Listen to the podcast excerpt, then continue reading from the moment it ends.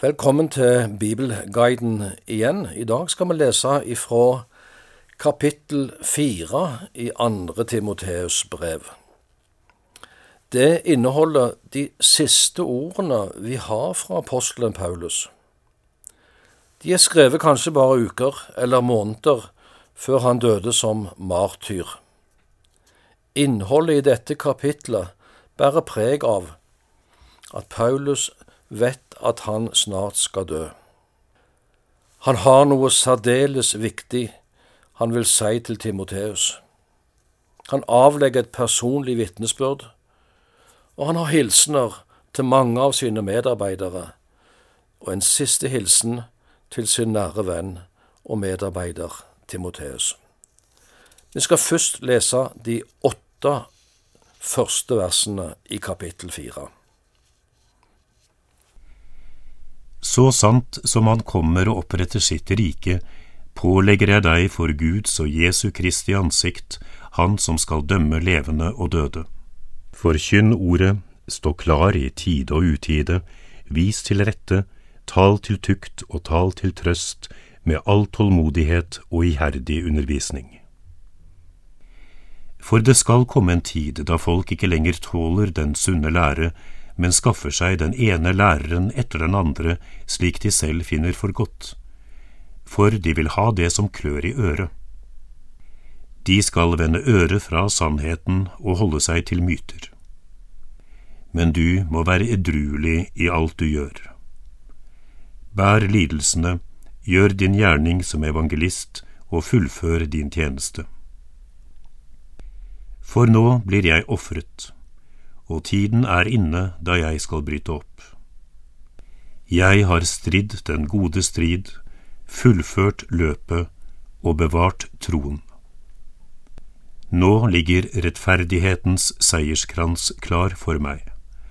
Den skal Herren, den rettferdige dommer, gi meg på den store dagen.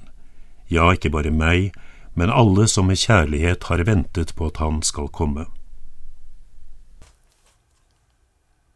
Det første Paulus pålegger Timoteus er dette. Forkynn evangeliet, eller forkynn ordet, og fullfør din tjeneste. Og dette gjør han med stort alvor. Han ser fram mot den dagen da Jesus kommer igjen, som konge for å opprette sitt rike. Da skal alle hans tjenere avlegge regnskap overfor Jesus, som skal dømme levende og døde. Og formaningen til Timoteus er klar. Du skal forkynne Guds ord. Det er oppdraget. Vær alltid klar til å gjøre det, Timoteus. Du må være våken for de anledningene du får, også når det ikke passer for deg, både i tide og utide. Det betyr ikke at du skal tvinge budskapet inn på mennesker, men du skal være klar når anledningen byr seg. Forkynnelsen av evangeliet er det viktigste i din gjerning som pastor i Efesus, Timoteus. Forkynn ordet. Men du skal òg tale ord til tukt, du skal tilrettevise, og du skal tale ord til trøst. Hele Guds råd, både loven og evangeliet, den sanne og sunne lære skal du gi god undervisning i. Og så legger Paulus til, og du skal gjøre det med tålmodighet. Selv om det ikke alltid er like populært, om det ikke alltid blir tatt imot. Timoteus har blitt minnet om at det kommer en tid hvor den sunne lære ikke blir tålt han har erfart sjøl at falske lærere har forkynt et annet evangelium. Så er det så fristende å forkynne noe som folk liker å høre, noe som klør i øret. Kjenner vi det igjen fra vår egen tid? Ja, en forkynnelse av Guds kjærlighet som ikke er knytta til Jesu død på korset for at vi fortapte mennesker skal bli frelst. en forkynnelse som ikke kaller mennesker til omvendelse, og som fornekter at dette livet har to utganger, evig liv eller evig fortapelse. Vi kunne fortsette, vi kjenner det igjen. Forkynne noe som klør i øret, noe som folk liker å høre.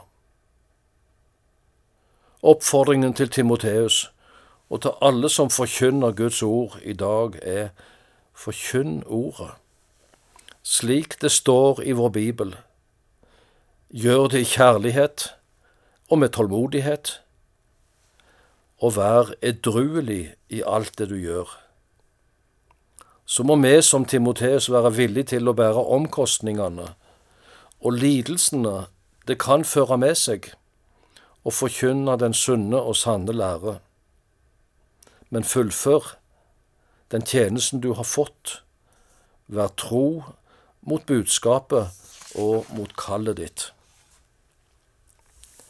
Vers 6-8 i dette kapitlet er et gripende vitnesbyrd fra Paulus. Han er klar over at han kommer til å få en fellende dom, at nå er tiden inne for at han skal bryte opp, det vil si at han skal dø og Paulus ble henrettet. Tradisjonen forteller at han ble halshugd. Men Paulus visste at døden ikke var det siste. Han vitna i Filippabrevet For meg er livet Kristus og døden en vinning. Nå var han reiseklar. Paulus er trygg i møte med døden så tar han et tilbakeblikk i disse versene. Livet hans har vært fullt av kamp. Det har vært en strid, mye motgang, flere fengselsopphold, forfølgelse, kamp mot falske lærere og mange prøvelser. Men så sier han, jeg har stritt den gode strid. Striden var god fordi han hadde et godt budskap å gå med. Den var god fordi han hadde en god og allmektig Gud. Og så fikk Paulus oppleve at mennesker ble frelst, menigheter ble danna, Guds ord bar frukt, og gjennom det hele så har Paulus blitt bevart i troen på Jesus Kristus. Jeg har stritt den gode strid, og nå har jeg fullført løpet mitt. Nå kan jeg se framover. En seierskrans venter på meg. Rettferdighetens seierskrans, den ligger klar. Gjennom hele sin tjeneste uh, har han sett fram mot målet, håpet om å få del i seierskransen har holdt han oppe. Det har vært en god strid fordi han visste at det gikk imot seier. Jeg syns dette er et sterkt vitnesbyrd fra en Herrens tjener på hans dødsleie. Nå er løpet fullført. Nå er jeg snart i mål. Stafettpinnen har jeg overlevert til Timoteus. Så får han en siste hilsen fra sin åndelige far og medarbeider. Nå må du fullføre ditt løp og den tjenesten du har fått. En oppfordring også til oss om å fullføre vår tjeneste, kjempe den gode striden, at vi må bli bevart i troen, så skal vi få se fram imot målet. Det går mot seier for Guds folk. Det er det levende håp som vi har, Jesus som allerede har seira i vårt sted, og som har gjort klar en seierskrans for alle som lever i troen på Han, og som det står her, som med kjærlighet venter på Hans komme. Til slutt skal vi lese versene 9 til 22 og knytte noen få kommentarer til det. Kom til meg så fort du kan. For Demas forlot meg fordi han fikk den nåværende verden kjær. Han har dratt til Tessalonika, Kreskens til Galatia og Titus til Dalmatia. Bare Lukas er hos meg. Ta Markus med deg når du kommer, han er til stor hjelp for meg i tjenesten. Tykikos har jeg sendt til Efesos. Når du kommer, må du ta med deg kappen som jeg lot bli igjen i Troas hos Karpos, og bøkene, framfor alt pergamentrullene.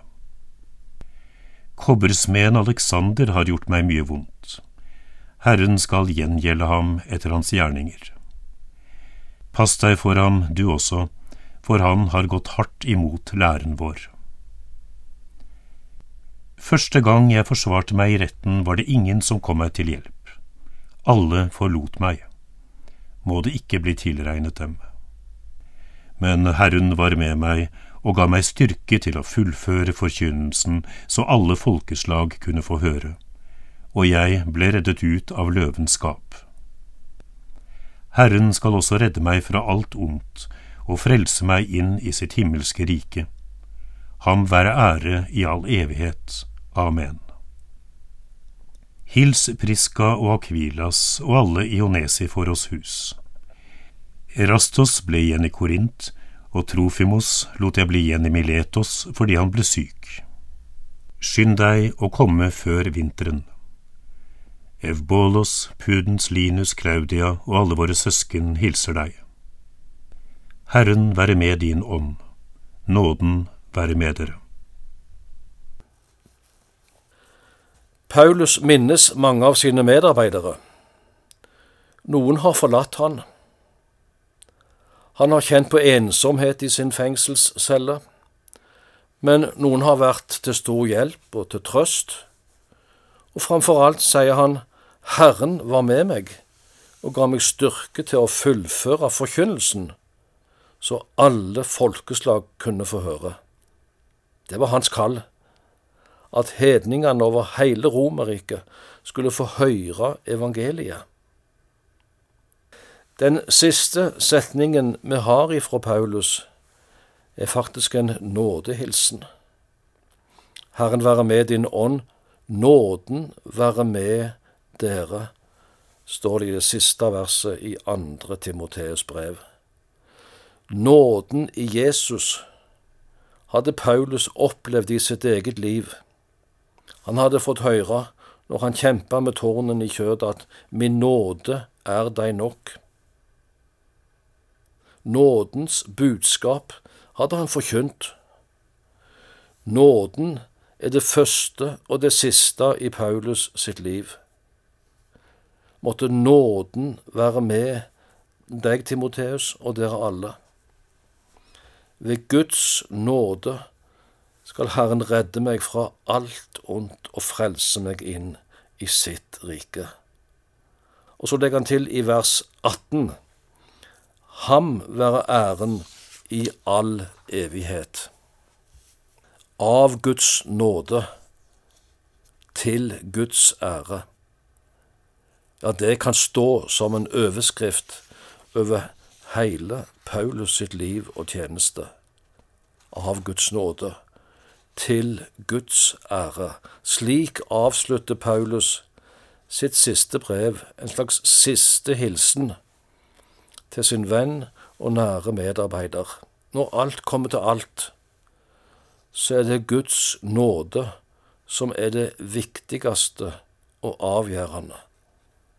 Tjenesten har òg vært av nåde, og et ønske om å få leve til ære for sin Herre og Mester. Jeg har til slutt lyst til å lyse velsignelsen som vi finner i andre Korinterbrev.